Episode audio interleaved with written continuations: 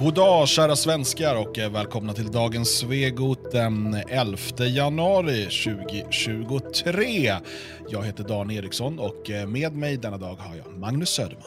Det stämmer bra det, du har du och eh, vi är pigga och krya och glada och på gång verkligen. Ja, vi hade kvällssändning igår, eh, en och en halv timme direktsändning med video och det är alltid efter en sån här sändning så tar det några timmar att komma ner i varv och, och somna och sådär. Men nu har vi väl sovit ut och eh, liksom, ja vi är igång igen. Ja, du ringde till och med och väckte mig där eller så på, på tidig morgon nu i morse. Ja, så det, var, det var en uh, uppvaknande med förskräckelse när ordföranden ringer och vill ha hans uppmärksamhet. Då måste man ju finnas där på plats. Liksom. Så att, ja, ni vet hur det är, man vaknar och så Magnus, så där, jag sover eller? Nej, fan, jag, är, jag har varit vaken åtskilliga timmar. Ja, det där, det är, jag vet, du har ju aldrig varit en strulputte som jag har varit när jag var yngre. uh, men jag minns, jag minns några gånger då man fått så, samtal från jobb, blivit väckt av samtal från jobbet när man var eh, oduglig tonåring. Och man, jag är på bussen. mm, no säkert. you're not. ja, det lite bättre har vi väl blivit nu när vi blivit gamla, men inte mycket. Nej, inte mycket faktiskt. Men vi är bra på en sak och det är att leverera nyheter, kommentarer, analyser etc. etc. Och det vet ju du som lyssnar för du är ju en av Svegotarna. Och det tackar vi dig väldigt mycket för, för att det, det är du som gör det här möjligt. Så är det. Och 11 eh, januari idag sa jag. Eh, och det är ju eh, en dag, så vi ska prata lite om saker som har med den här dagen att göra, nämligen, eller det här datumet. Mm. Det är två saker i historien som, som jag vill utgå ifrån. Och vi ska prata vi ska prata monarki och kungen och allt sånt där trevligt. Och sen ska vi prata huliganer och sånt trevligt. ja, och det hör ju lite ihop också, kanske. Kanske. För att eh, det här med huliganer, eh, det var ju ingenting som AIK hittade på. Nej, det var det verkligen inte. Och det är ganska intressant när man, när man sätter sig ner och tittar på historien och, och pratar med människor um, som inte riktigt har, har koll på det där, som bara har svalt kvällstidningspropagandan. Uh, det, är en helt, det finns så mycket mer kring, uh, kring det. Bara det faktum att till exempel de, de, de olika i, i Rom så hade alltså Eh, gladiatorerna hade eh, en del huliganfirmor kopplade till sig. Så att du var liksom anhängare av Cassus eh, någonting, någonting och sen efter själva eh, spelet så gick du ut och slogs med, med, med någon, någon, firma som hade liksom, ja, en annan sån där. Mm. Um, och ja, sen, sen, de här politiska implikationerna som, som finns historiskt och idag. Um, kanske inte så starkt i Sverige, men, men annorstädes. Så det här är jätteintressant. Mm. Ja, alltså det är någonting med att uh, ju mer man lär sig av historien eller om historien, desto mer inser man ju att vi uh, är ganska lika. Alltså så som vi var för 2000 år sedan, vi är ganska lika idag också. Vi har lite mm. samma problematik, samma, eh, liksom, allting är väldigt, väldigt cykliskt. Man ser hur det liksom kommer åter och det blir maktmissbruk och höga skatter och krig för att stärka den egna kassan, eh, lögner, svek från liksom, politiker. Eh, det här går liksom genom hela vår historia. Och Det där är ju en av anledningarna, alltså ju mer man förstår av den biten av historien, tycker jag är en av anledningarna till att eh, också ifrågasätta eh, den, den moderna historieskrivningen där vi i stort sett var, eh, alltså man försöker ju framställa våra förfäder som vet, ugga-bugga, eh, korkade, eh, man pratar grottmänniskor och så vidare. Eh, och istället, alltså, om, man, om man tänker på hur lika vi faktiskt är de människor som, som levde på jorden för 2000 år sedan, så är det också mer rimligt de, tycker jag, de teorierna som finns om, om tidigare civilisationer, eh, högteknologiska och så vidare, som, som sen har försvunnit av olika anledningar.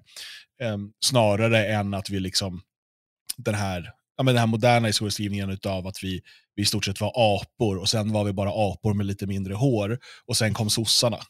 Typ. Ja, men, verkligen, verkligen. Och det, det, är också någonting som då visar tydligt, om man, om man förstår det här och tar det till sig, så förstår man ju också att det vi har haft nu 200 år av fred i Sverige och, och faktiskt ändå då sedan 45 ganska, trots Balkankriget, då, ändå ganska eh, fredligt i Europa. Eh, och så här att, att och, och, den typen av liksom lugn och ro i civilsamhället som vi ändå har haft och, och att det flyter på att, eh, med val och, och vad som har varit. Det är ett sånt extremt undantag. Och egentligen, om jag ska hårdra det hela, så är det mot människans natur.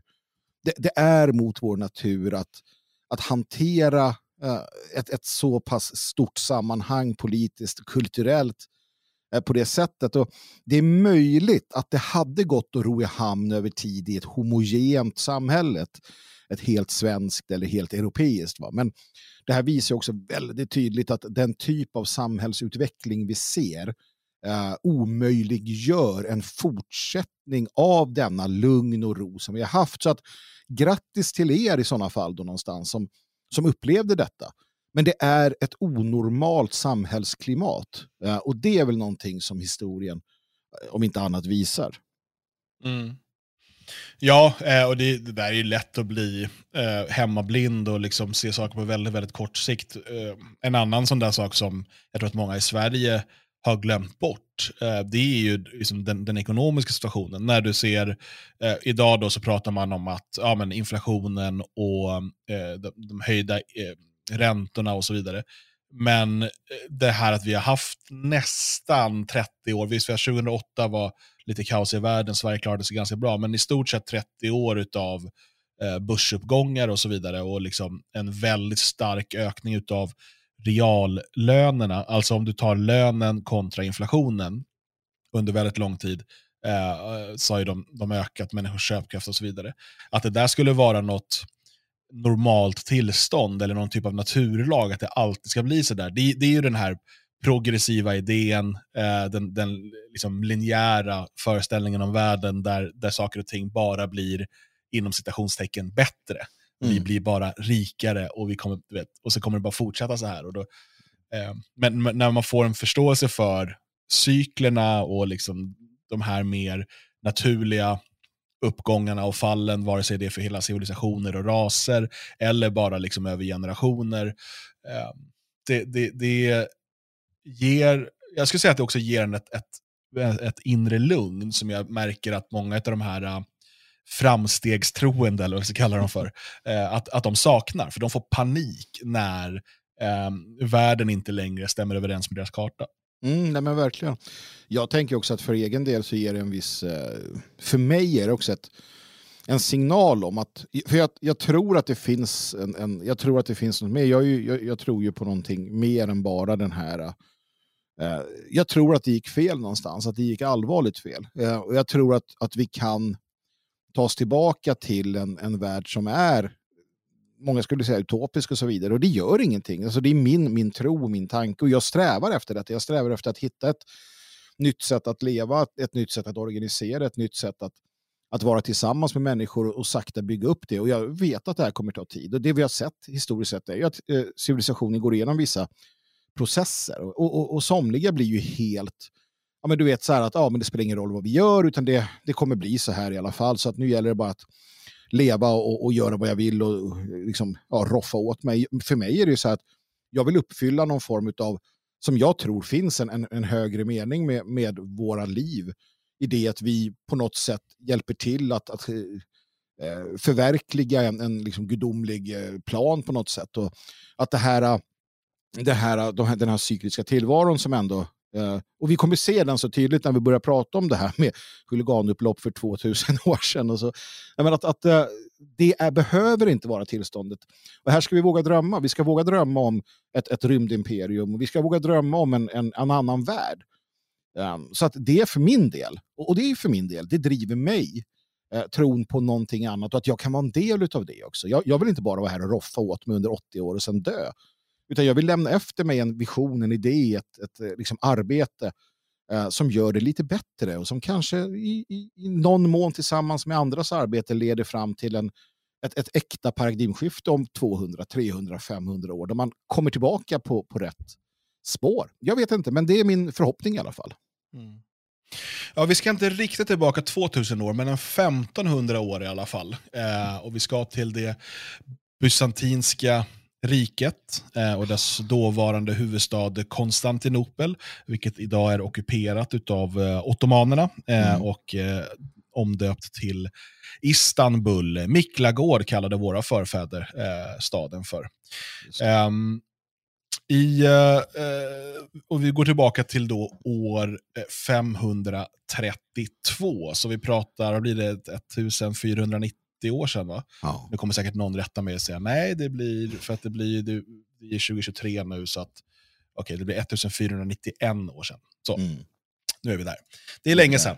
Ja. Eh, och eh, Det här var under då kejsar Justinianus tid. Och det vi ska prata om är det så kallade Nika-upproret. Och eh, Eh, det här är, är då baserat på ett antal, alltså det vi vet om det här är baserat på ett antal nedskrivna krönikor. Mm. Eh, och de är ibland lite motstridiga och det är som alltid, det är svårt att veta exakt vad som hände. Mm. Men det som alla är överens om i alla fall, det är att eh, på den här tiden var ju eh, hästkapplöpningen väldigt, väldigt populär. Man åkte ju på de här stora vagnarna. Eh, det. och det här finns ju nedtecknat i konsten och så vidare. Och Mm. har ju gjorts i massor av filmer och så, bara för att visa hur det där eh, såg ut. Och Det här var en väldigt, väldigt populär eh, publiksport. Eh, under Justinianus tid hade man, nästan, hade man förbjudit nästan all annan idrott. Det, Så är, att- det är konstigt i sig ändå. ja, men eh, det, det var en massa oroligheter och sådär. Ja. Justinianus var inte superpopulär heller. Han, eh, han plågade sina medborgare under väldigt eh, höga skatter. Han eh, hade ju en, en konflikt med perserna som han försökte lösa. Och det, det var en, en, en orolig tid helt enkelt. Så att han, han var inte speciellt populär. Och han var inte speciellt populär bland eh, senatorerna eller adeln, eller vad man ska kalla det för, heller. För att han kom ifrån eh, vad man beskrev som ganska enkla förhållanden. Eh, man menar att han inte egentligen var värdig att vara kejsare. Eh, så att han, han hade lite alla emot sig. Det, ja, det var rörigt och det var inte så jävla kul att vara Justinianus den här, vid den här tidpunkten. Då. Så att han tänker att ja, men jag får väl göra det bästa av situationen. Ja. Eh, så att eh, se till i alla fall att hästkapplöpningen eh, håller igång. Precis. Eh, vi tänker då att bröd och skådespel, det kan väl bara hålla, det kan väl, så att de är lugna folket här i alla fall. Ja, ja. Eh, det, det, har, det brukar funka. Problemet eh, var ju att folk blev väldigt, väldigt engagerade i den här hästkapplöpningen och eh, dessutom var det ju så att de olika, eh, de olika kuskarna och, och hästarna och så vidare, de representerade olika eh, fraktioner. Eh, det fanns fyra stora fraktioner, det var de blå, de gröna, de vita och de röda. Och Det här symboliserades då av eh, färgerna de, de hade på sig under, under loppen. Och de två stora under den här tiden, de två populäraste, eh, var de blå och de gröna. Eh, Eh, vissa säger då att eh, Justinianus stödde de blå, eh, men att han när han blev kejsare då försökte vara neutral. För att eh, ja, man ska inte liksom arga upp halva befolkningen så att säga. Det här var viktiga saker. Eh, Oh ja, och eh, Dessutom finns det en del krönikor som, som menar att eh, det fanns politiska förtecken mellan det här, vilka, vilka man hejade på, och även då ehm, religiösa förtecken. Eh, framförallt kanske då ja, det, det som man bland annat pratar om då, att det blå eh, fraktionen eh, företräder den katolska tron och eh, de gröna den monofysiska, alltså den, den kristendom som, ja, ortodox, som sen blev ortodoxa kyrkan kan man säga. Mm. Som eh, motsatte sig något, något koncilium. ja, någonstans någon gång. Ja. Absolut. Eh, det här är inte en teologisk podd, inte än så länge. Nej, Eh, Det nej. kommer. Eh, och Det som händer då, eller det som börjar då bubbla här i januari eh, år 532 är, är eh, ett, eh, ett stort eh, upplopp. Man har då eh, tidigare gripit eh, ett antal eh, supportrar eh, och dömt dem till döden Mm. för störande av freden. Två stycken av de här, en som, som hejar på de blå och en som hejar på de gröna, lyckas fly undan eh, fängelset och gömma sig i, eh, i kyrkan. Mm. Eh, och eh, I sin tur leder det här vidare då, när man sen ska samlas för ett, eh, eh, ännu ett sånt här lopp, så eh, ropas det, eh, som det många gånger har gjorts förut, från läktarna då, Nika. Nika, som betyder typ segra eller eh, ta tillbaka segern. Det är lite svårt att översätta exakt. Men eh, den här gången är det inte riktat mot eh, loppet, utan mot kejsaren. Precis, för det, det, det intressanta blir ju att eh, det är ju den, i den typen av eh, kollektivistiska sammanslutningar, och det har vi ju sett på, på andra ställen också. Vi, i, om vi överför det till idag så kan man se bland annat på fotbollsmatcher så där man i läktar, alltså på läktaren då uttrycker politiska budskap. Det kan vara anti-hbtq eller mot Fifa eller vad du vill. Och det finns en trygghet i att vi är ett, en stor grupp människor och jag eh, kan någonstans liksom komma undan i det. Det är samma här. Här kan man alltså uttrycka då missnöje med kejsaren och kalla han för vad man nu känner för. Och, och du är en del av en större, en större liksom mobb. Um, och det, det, har ju sina positiva aspekter naturligtvis som också det kan hetsa upp saker, vilket det kommer göra i det här fallet ganska rejält. Va? Mm. Uh, men man, man, ser ju också, jag, jag, gillar faktiskt hur man på i, i Wikipedia är det, tror jag här, som, alltså hur man uttrycker sig, man, man skriver det på ett sätt som är begripligt, att det är supporterklubbar, Mm. Och, och de skiljer sig inte heller. Det är så en kombination av kriminella, det är politik, det är social hierarki. Det är som lite, och det är väldigt men det är precis som supporterklubbar idag. Alltså precis, det där är ju en precis. blandning av allt det där och vissa är mer politiska, vissa är mer religiösa, andra är liksom det är social klass eller liksom mm. det är saker som, som förenar folk i de här olika supporterföreningarna. Um, så att, så, och, det här är ju, och det är det som är så intressant, att det här är 1500 år sedan, mm. men eh, det, det är egentligen samma eh, liksom, mekanismer och så vidare. Mm. Eh, som, som vi också eh, kan se idag. Jag, jag skulle säga att det inte bara att, att folk idag då på kanske en fotbollsläktare kan uttrycka politiska åsikter, utan även ge uttryck för sånt som eh, har blivit mot värdegrunden generellt sett. Mm. Att eh, stå och skrika saker som du aldrig skulle våga. Alltså Det kan vara människor som jag vet, när jag går på fotboll, jag vet att de här är väldigt politiskt korrekta i sin vardag. Mm. Eh, kanske till och med engagerade i partier, eh, politiskt korrekta från sjuklöven. Eh, som kan stå och skrika de mest sexistiska och ibland till och med rasistiska saker eh, som man kan göra som kanske inte ens är inom lagens råmärken. För att de står relativt anonymt på fotbollsläktare. Mm. Eh, och det, där kan man få utlopp för Precis. det här. Jag kommer ihåg, du och jag, vi gick ju ibland på Union Berlin, när vi bodde i Berlin. och, och jag, jag sa till det, det är ju, även om man liksom inte hejar på någon lag, så är det bara kul att bara ha möjlighet här att kunna så, jag kan bara stå och skrika förolämpningar till folk. Mm. För att ja, ja. ett, vi gjorde det på svenska så ingen fattade något. och två, eh, man kan göra det på en fotbollsläktare. Mm. Um, och, så att jag tror att eh, i, i dagsläget så kanske det inte är politiska budskap i Sverige i form av du vet, sänk skatten eller något. Nej, precis. Utan just den här, äh, inte vara den här kuvade feminiserade mannen som så många svenska män är eh, till vardags. Mm. Utan där så kan man vara en helt annan och kanske vara lite mer trogen sig själv.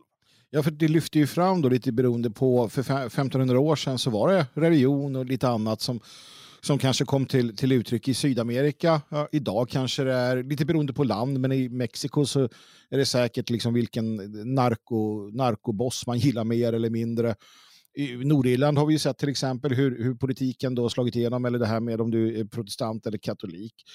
Um, på Balkan har du ju också den typen, det kan vara sociala eller andra. Så här, och, och så, så, att, så att i Sverige, så, som du säger, där kanske vi inte har den här politiska så här, sänk skatten eller vad det kan vara, utan det är mer att, att, att, uh, att slå hål på, på det som är förtryckande, förkvävande i samhället. Och det är därför man slår hårt mot idrotten också, eller mot just supporterkulturen. Eller så här, att det, här är en, en, en um, det här är en plats som man, man, är lite rädd, just nu kanske inte på, på sådär vansinnigt mycket, men att problemet för makten är ju om det finns utrymmen där du kan tänka fritt, där du kan uttrycka dig fritt. Och, och just Janus, han kommer ju bli väldigt varse detta. Att det ja. finns en fara i att det finns en, en, en liksom plats för människor att tycka illa om honom. Jo, för det är sen två dagar senare, då, den 13 januari, så eh, utlyser han då, eller till den 13 januari utlyser han nya kapplöpstävlingar. Eh, och eh, dessutom så, de här då som har dömts tidigare för störande av freden, de får sina straff omvandlade från döden till fängelse. Mm. Det här är ett sätt då att försöka lugna ner folkmassorna. Och det är då, eh, under när, när då hippodromen, där de här, eh, eh de här loppen hålls, när den fylls, Eh, så, och det är här då som det här Nika, det här börjar då, där man eh, istället då vänder sig emot, eh, emot kejsaren. Mm. Och eh, man eh, ockuperar palatset under fem dagar. och de här olika supportergrupperna, de, de går inte på varandra nu. till viss del gör de det, men framförallt så sätter de staden i brand. Mm. De slår sönder eh, Konstantinopel, bland annat då Haga Sofia-kyrkan eh, sätts i brand. Eh, det är alltså en total förstörelse. Man pratar om att halva stan var förstörd eh, efter det här. Eh, och det, det, är ett upplopp som, som pågår under lång tid. Eh, och eh, ja, det, det, blir ju fallet för Justinianus. Precis. Um, och jag bara drar en, så här, jag drar en, en eh, liknelse till något vi såg i, eh, för ett antal år sedan när olika grupper eh, i Stockholm var det, som olika då, supportergrupper i Stockholm som sökte sig samman för att så att säga försvara sin stad. Ja, det var efter det... att det var invandrarungdomar uh, som hade gått, de hade ju gått och rånat och sexuellt trakasserat folk på stan. Precis. Var det nog marockaner? Jag minns inte. Det var, ja, det var något, något mycket kring Plattan, ja. alltså centralt i Stockholm, Sergels torg och sådär. Och då, då såg vi det här. Och det var också i samband med eh, Sen i samband med de stora upploppen som var i förorten i Stockholm så sökte man sig samman igen. Allt, allt det här skedde ungefär samtidigt vill jag minnas, i princip. Mm. Um, och och då, då, var det ju då uh, fotbollsintresserade uh, unga män Uh, framförallt då. Uh, från de olika klubbarna som gärna slår varandra på käften som någonstans bestämt sig för att nej, det ska vi inte göra den här gången utan nu ska vi slå andra på käften om det behövs.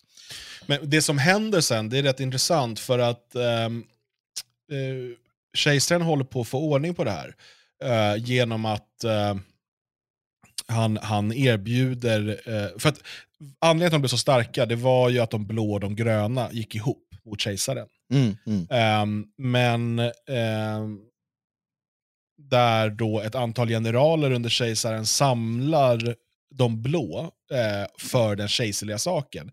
Man mm. erbjuder dem en massa gåvor och fördelar i samhället eh, och lovar kejsaren stöd för dem.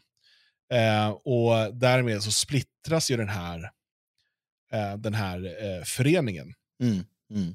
Och eh, sen så då kommer då de här lojalistiska trupperna tillsammans med de blå att börja inte bara gripa de här så kallade rebellerna då, utan även eh, massakrera dem.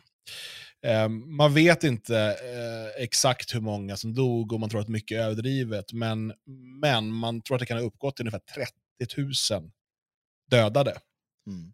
under de här, eh, ja, under de här, det här gripandet då så att säga.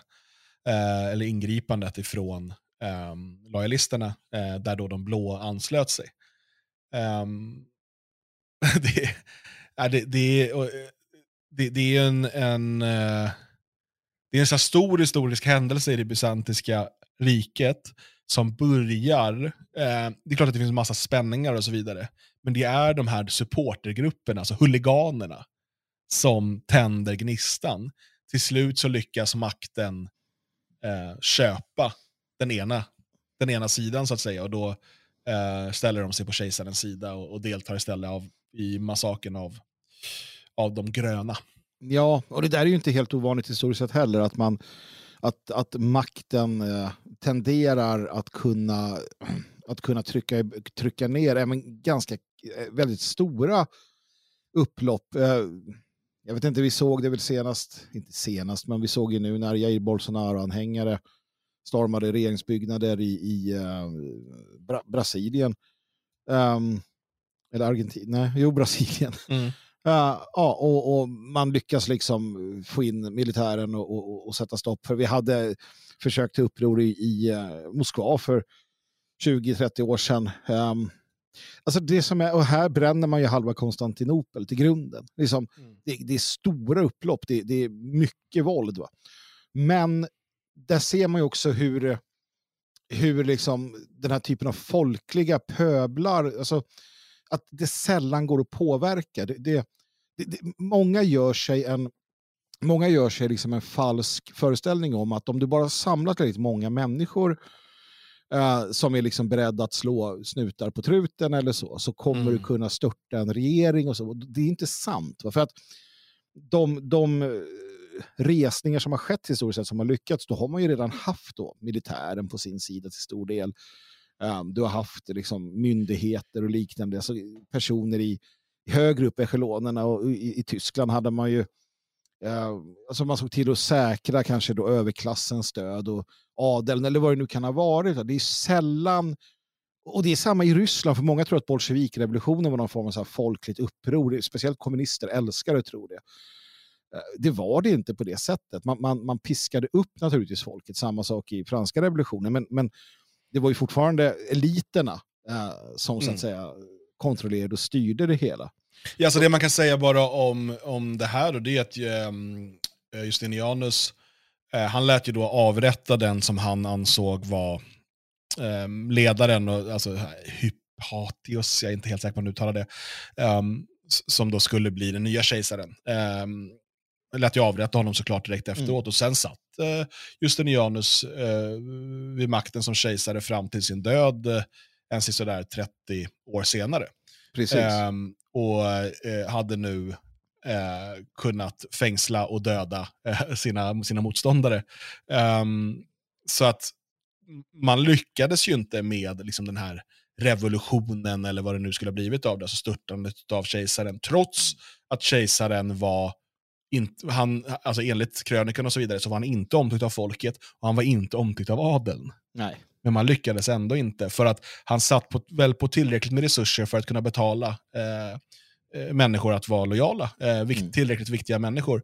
Eh, dels hade han generalerna eh, och dels då så kunde han betala de blå eh, att, att ställa sig på hans sida. Och Det där kan man också sätta över till modern tid. För att hur många hur många människor hör man inte som, som gnäller på staten och gnäller på eh, så här, politiken och, och, utvecklingen i Sverige till exempel. Men som inte tänker liksom, lyfta ett finger för att göra något åt det. Eftersom att de tjänar pengar på att inte. Alltså, de får bättre lön av att eh, låtsas och spela med och liksom ha sitt, sitt jobb i stan eh, på något kontor eller eh, något, någon chefsposition någonstans. Eller sådär, som de ju skulle riskera om de gick ut och blev eh, offentliga dissidenter. Um, och det, det, är samma sak här, egentligen är det så att de har, fått, de har blivit köpta. Alltså, om man ska hårdra det, så är det ju så att, att eh, det är precis som när Justinianus betalar de blå, mm. för att nej, men nu ska, jag vet att ni hatar mig, men kolla, här får ni, här får ni guld och vin. Uh, så att uh, ni behöver inte bråka med mig, utan vänder er mot de andra. Mm. Eh, och sen har vi massor av svenskar som, som hatar regeringen, men som inte gör någonting åt det, utan snarare då eh, sitter och, och, och, håller uppe det här systemet för att de tjänar på det. Det, det är ju verkligen, alltså till, stor, till, till, till mångt och mycket så blir det liksom en sån här Game of Thrones, eh, och det är vad det handlar om. Ja, och det kan man titta också med, med du har marschen mot Rom till exempel, de italienska fascisterna, det var ju inte självklart att det skulle bli som det blev. Utan det, det, det, det, det händer saker hela tiden i de här stora händelserna. Det kunde lika gärna gått åt något annat håll. Och allting beror på hur man manövrerar, vem som manövrerar mest. Det är sant att det är minoriteter som avgör. Minoriteter där någon lyckas få till stånd den där alliansen precis vid rätt tillfälle och så vidare. Um, vad det handlar om är ju att du måste våga försöka förändra. Det är ju där man i grunden hamnar. Så att, att drömma om det stora avgörandet är väl en sak, men att, att, att, att fundera på hur man kan liksom gå till... Men det handlar om att försöka, det handlar om att, att inte ge, ge upp, att inte, eh, att inte bara liksom, eh, ja, acceptera någon form av status quo, utan att, att våga. Eh, och, och, mer ofta än sällan så kommer du förlora. så, så det, det, visar historien också. Då. Men, men man kan gott och väl skapa bättre förutsättningar för sig själv och manövrera sig till, till bättre liksom, eh, positioner att förhandla ifrån i framtiden och så vidare. Och det här är ju väldigt praktiskt och för många tror jag är ganska så här eh, sjaskigt eh, tänkande. Men, men det är ju så, det är så politik och, och hela den biten går till. Det, det är ju inte, det är inte en det är ju inte liksom en dans på rosor någonstans. Och, och, och det visar ju verkligen också att liksom, våldet är en förlängning av politiken. Um, vilket var tydligt, jag vet, det var väl Putin som sa det nu, att till sist så kommer vi hamna vid förhandlingsbordet. Uh, och alla vet ju det. Det är så det slutar varje gång i princip. Um, yes, alternativet är att utplåna fienden. Ja, precis. Och det, ja, det gick väl kanske förr när man tog någon stam och sådär. Men det var alltid någon jävla ättling som kom undan. Du vet, man försökte ju hugga huvudet av alla ungar man kunde hitta och sådär. Men nej, nog fan var det Fråga Gustav Vasa. Han ja, precis. höll sig undan ett tag och sen kom han tillbaka. Nej, och det är ju fulspel och så. Och, och, det är intressant och det är därför det är viktigt också att förstå det här och, och, och läsa om det här. Um, för att förstå just det. Och jag menar, som sagt, vi har ju sett då om man tar moderna exempel, om vi bara går in på huliganer då generellt sett, så på Balkan har vi ju sett hur de utan tvekan i många fall är väldigt involverade i, i eh, politiken och, och att staten där eh, till del underblåser vissa fraktioner eller vissa firmor som fyller ett syfte för dem just då. Um, I Ukraina så till exempel såg vi hur de här huliganfirmorna liksom omvandlas till eh, frivilliga försvarsförband i början av kriget och numera är fullfjädrade eh, liksom soldater i, i, en stor armé. Uh, och så vidare. Och jag läste en intressant artikel, jag vet inte vad det var, var det Aftonbladet eller sånt där, där de konstaterade att skulle Sverige bli, eh, skulle Sverige bli attackerat till exempel så, bo, så bör eh, politiker och Försvarsmakten använda sig av exempelvis Stockholmsfirmorna Eh, och nationella, alltså nationella gäng. Eh, för de kommer ha en hög vilja och förmåga att eh, ja, försvara landet och sen kan man då bli av med dem lite samtidigt. Så glöm aldrig bort hur cyniskt eh, liksom Sverige AB tänker i den frågan, eller makten som är. Liksom. Nej, så är det, ju, det är ju bara att titta på, kolla på Ukraina idag. Du har ju ja.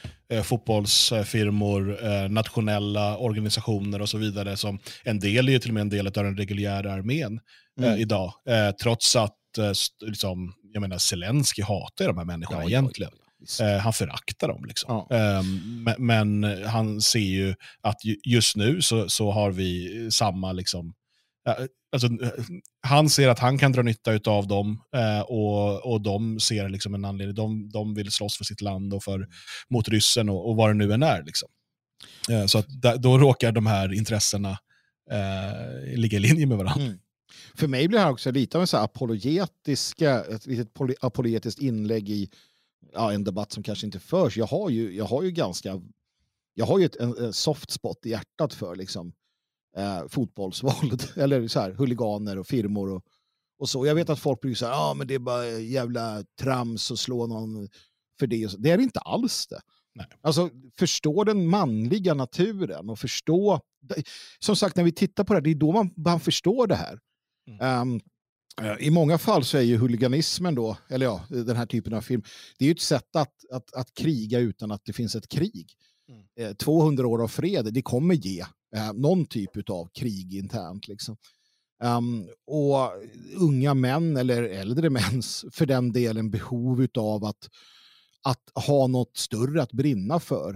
Uh, och, och, det kan vara lag, laget Sverige. Det kan, som i just Janustiden här, det är, du är grön kanske, eller du är blå, eller det är det här gänget. Eller, alltså det är en del av oss. Det, det, det lönar sig inte att sitta på någon form av hög häst och bara tro mm. att du är så jävla mycket bättre för att du inte gör det. Sanningen är ju att det här är människor som står närmare sin, sin natur mm. än de överciviliserade töntarna. Sen vill ja. jag säga att, eh, och det behöver inte, behöver inte vara fotboll, det finns andra tillfällen, men har du inte varit med i ett, eh, ett upplopp, en kravall, en sådär, då har du inte levt. Nej, det har du Som man, ska jag säga. Nej, det, det är inte, inte kvinnors plats att vara där.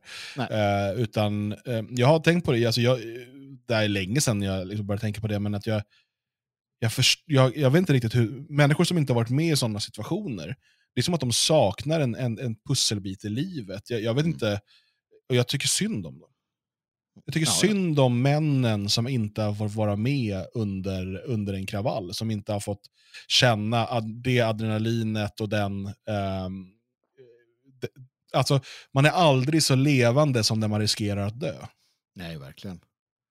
Och, och, Verkligen. och det, det är... eh, och det är ju många män idag som, som aldrig har, eh, har varit där. Och, och Sen kanske man söker kickar och sånt på annat sätt, men, men eh, jag, ja, jag, ha, har du möjlighet, sök upp din närmaste kravall. Ja, nej, men för det är ju inte bara krav- alltså, ett helt vanligt heligt slagsmål har ju Ja. många inte varit med om. Liksom. Och, och det är naturligtvis ett problem. Um, om man tittar på, på det som händer nu, för att det handlar inte bara om liksom, det fysiska, om vi tar Ukraina med, med, med ehm, Eh, det som händer där, alltså, så det blir ju en, en, en mytologisering också. Du har liksom, naturligtvis kommer, kommer liksom slaget om Mariupol vara någonting som bränns in i det kollektiva minnet för Ukraina. De kommer sjunga sånger om detta om 200 år. Va?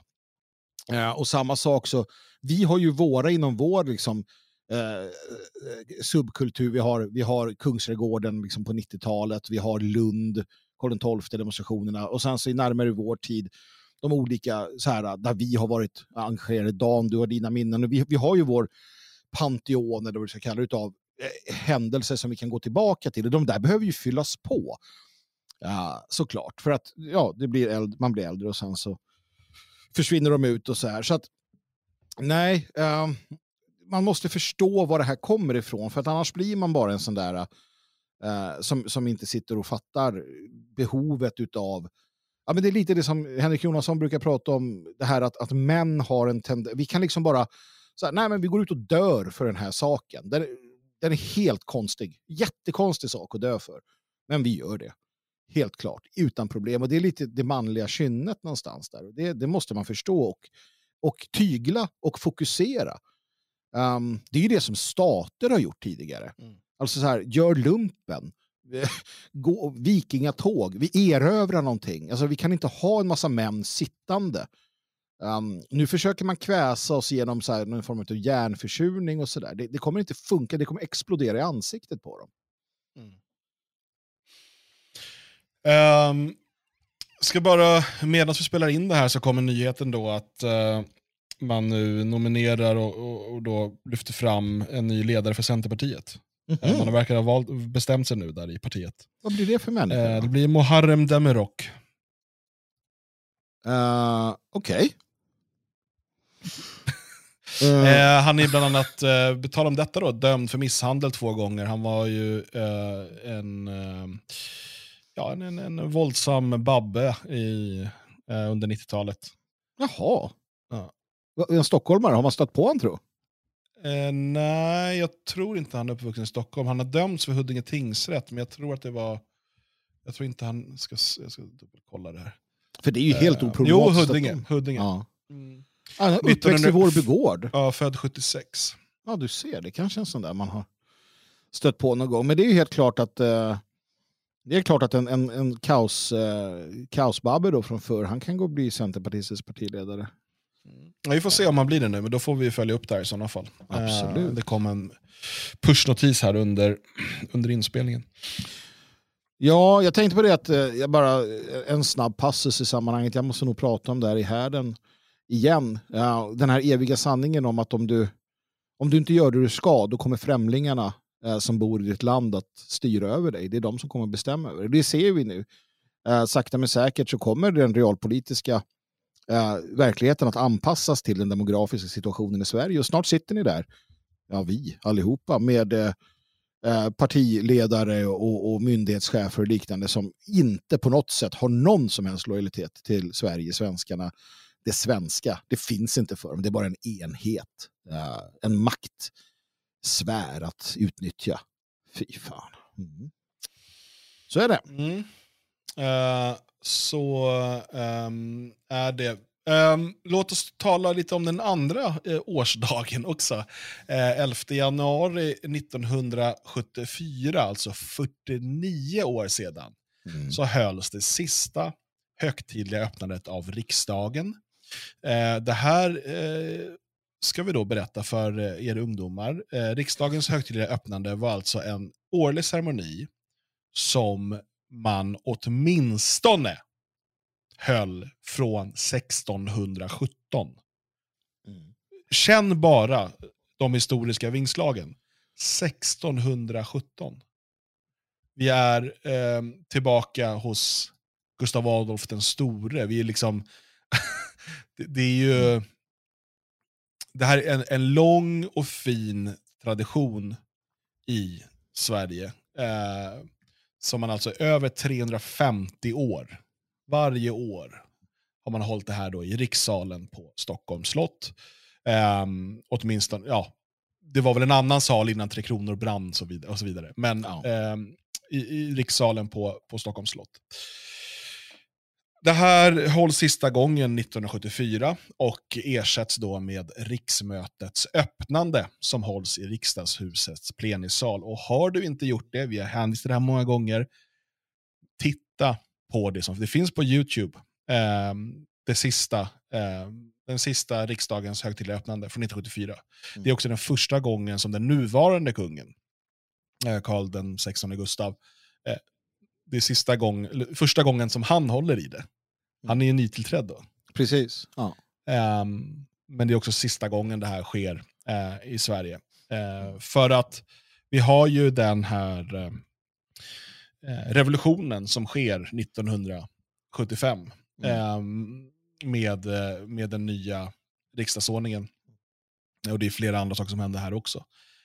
Men det man gör här, det här är en, en kompromiss från eh, socialdemokratin. Socialdemokratin hade och har inskrivet avskaffandet av monarkin Mm. i, sina, i sitt partiprogram. Eh, och eh, kompromissen man gör istället är att okej, eh, monarkin får vara kvar, men inte bara eh, ska all makt tas ifrån er, utan dessutom så ska ni vara underordnade riksdagen. Eh, inte bara symboliskt, inte bara i praktiken utan också symboliskt. Mm. Ehm, för det vi har tidigare det är ju då att eh, de som har valts in i riksdagen, eh, de kommer till slottet, konungen sitter ovanför dem och talar till dem. Eh, Mm. och det, är- det är en jättevacker ceremoni och så vidare, drabanter och alltihopa. Till att sen kungen får komma till riksdagen och sitta under politikerna som talar till kungen. Sen håller kungen ett litet anförande också, men det är han som är där på politikernas nåder. Mm. Ja, han schasas ju i princip ut ur, eh, ur riksdagen när det är klart. Liksom. Det, det är den känslan man får. Um, och det, det, det, det säger någonting, det är väldigt tydligt som du säger, man börjar med det här på 1600-talet och då är det ju då riksråden. Och för att det var ju så att även om kungen eller drottningen var eh, naturligtvis på den tiden eh, den som bestämde så hade man ju då en riksråd kring sig, medhjälpare och andra människor och du hade liksom ja, du lyssnade på adeln, du lyssnade på kyrkan, du lyssnade på borgerskapet, du lyssnade på bönderna, vilket var unikt för Sverige, att bönderna alltid haft liksom en, en stor plats i detta. Bönderna är ju de som har, alltså den fria bonden, det är de som har skälpt eh, kungar om det har varit eh, behov av det.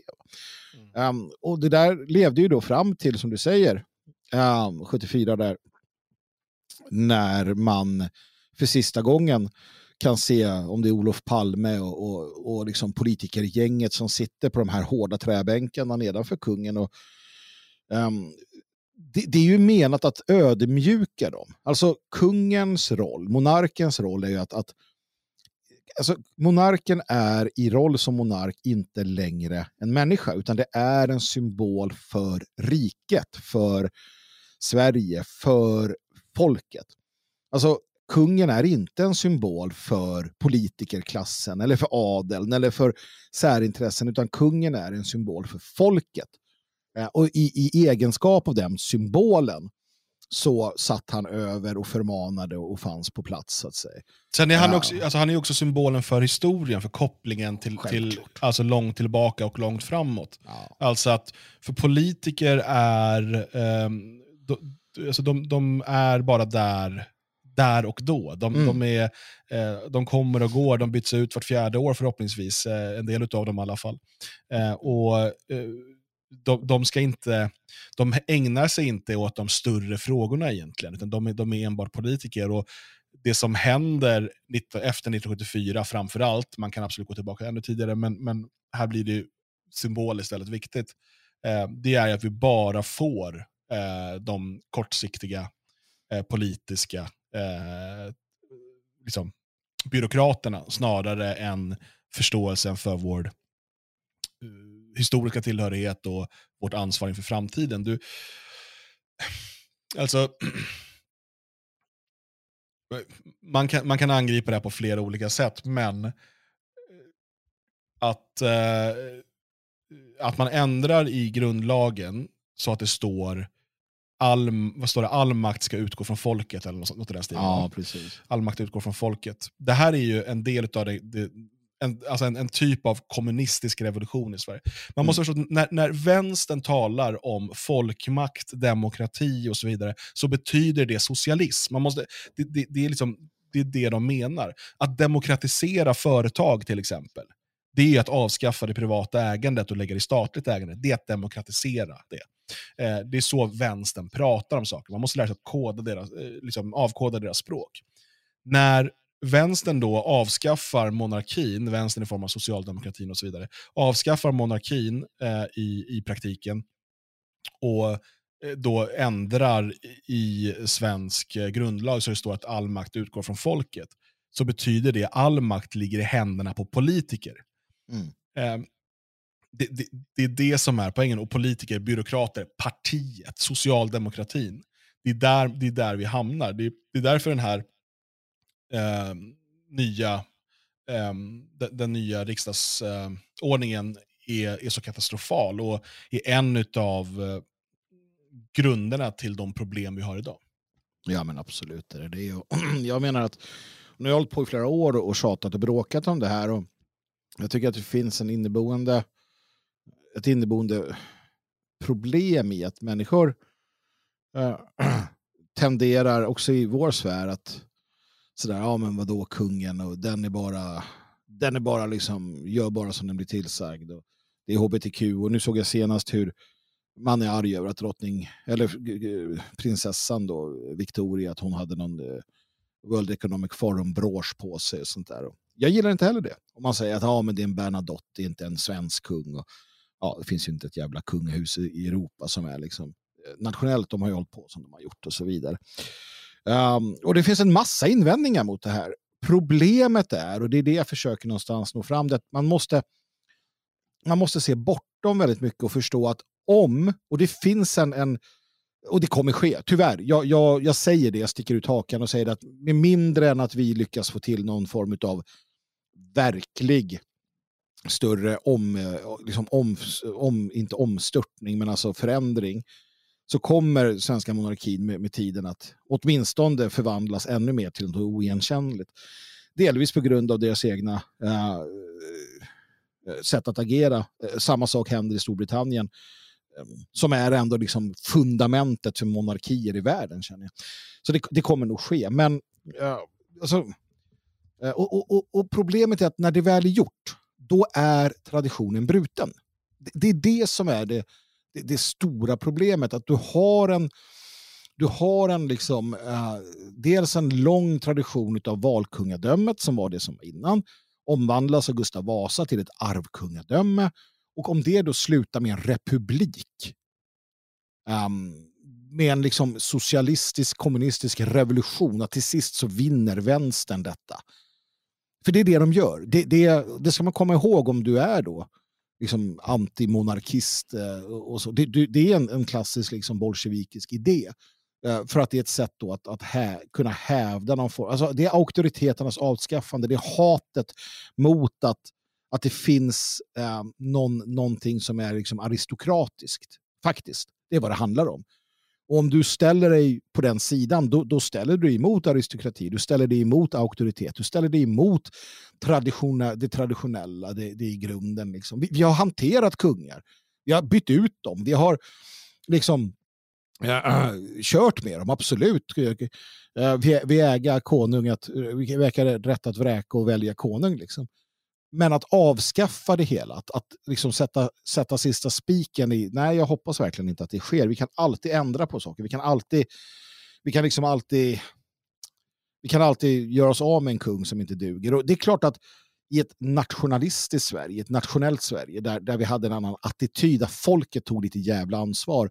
Det är klart att Victoria inte hade sprungit, runt med en jävla VF-brosch. Det hade hon inte gjort. Hon hade inte sprungit med någon hbtq-flagga. Men alltså, monarkin är underordnad politiken. Det är det mm. som är um, grunden här. Och det är det som gör att de idag eh, alltså sedan 1974 åtminstone, alltså man kan gå tillbaka även till 1819 och sådär, men, men eh, 1974, eh, då, efter det så är, alltså monarkin är bara eh, ceremoniell.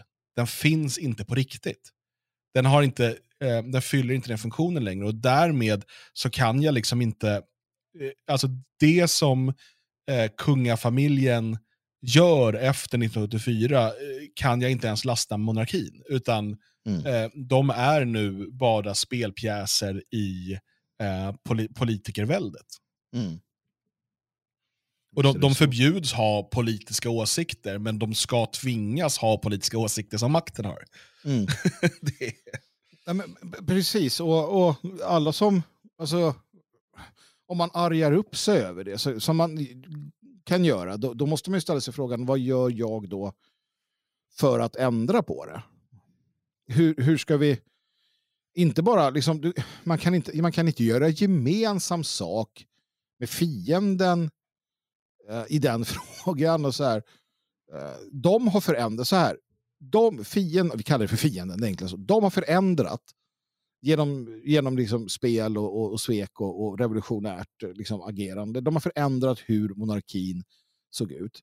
Eh, de blev livrädda under bondetåget. De blev livrädda när, när kungen i princip sänkte, den förra kungen då, sänkte sta, regeringens staff, den liberala regeringen och, och ställde sig på folkets och Sveriges sida. De blev livrädda för de såg, de såg kraften i monarkin. Mm. Uh, så att man, man omvandlade den, man snöpte den, man, man liksom kastrerade kungen med allt vad det innebär. Och då kommer då Sverigevännerna, uh, så kallade då, eller andra, och så här, ja, nej, men vi, vi är arga över resultatet av den, den kommunistiska revolutionen. Men istället för att förändra det i grunden så skriver vi oss på ett av offren. För det, det var svenska kungahuset, det är ett offer för en kommunistisk revolution. Mm. Uh, och det tycker jag inte låter sig göra, så jag tycker att det är fel väg att gå helt enkelt. Speciellt med tanke på den Alltså det är en av världens äldsta monarkier, Sverige. En av världens äldsta. Det är ett rikt arv som du säger. Liksom. Mm. Och är det borta, försvinner kungen.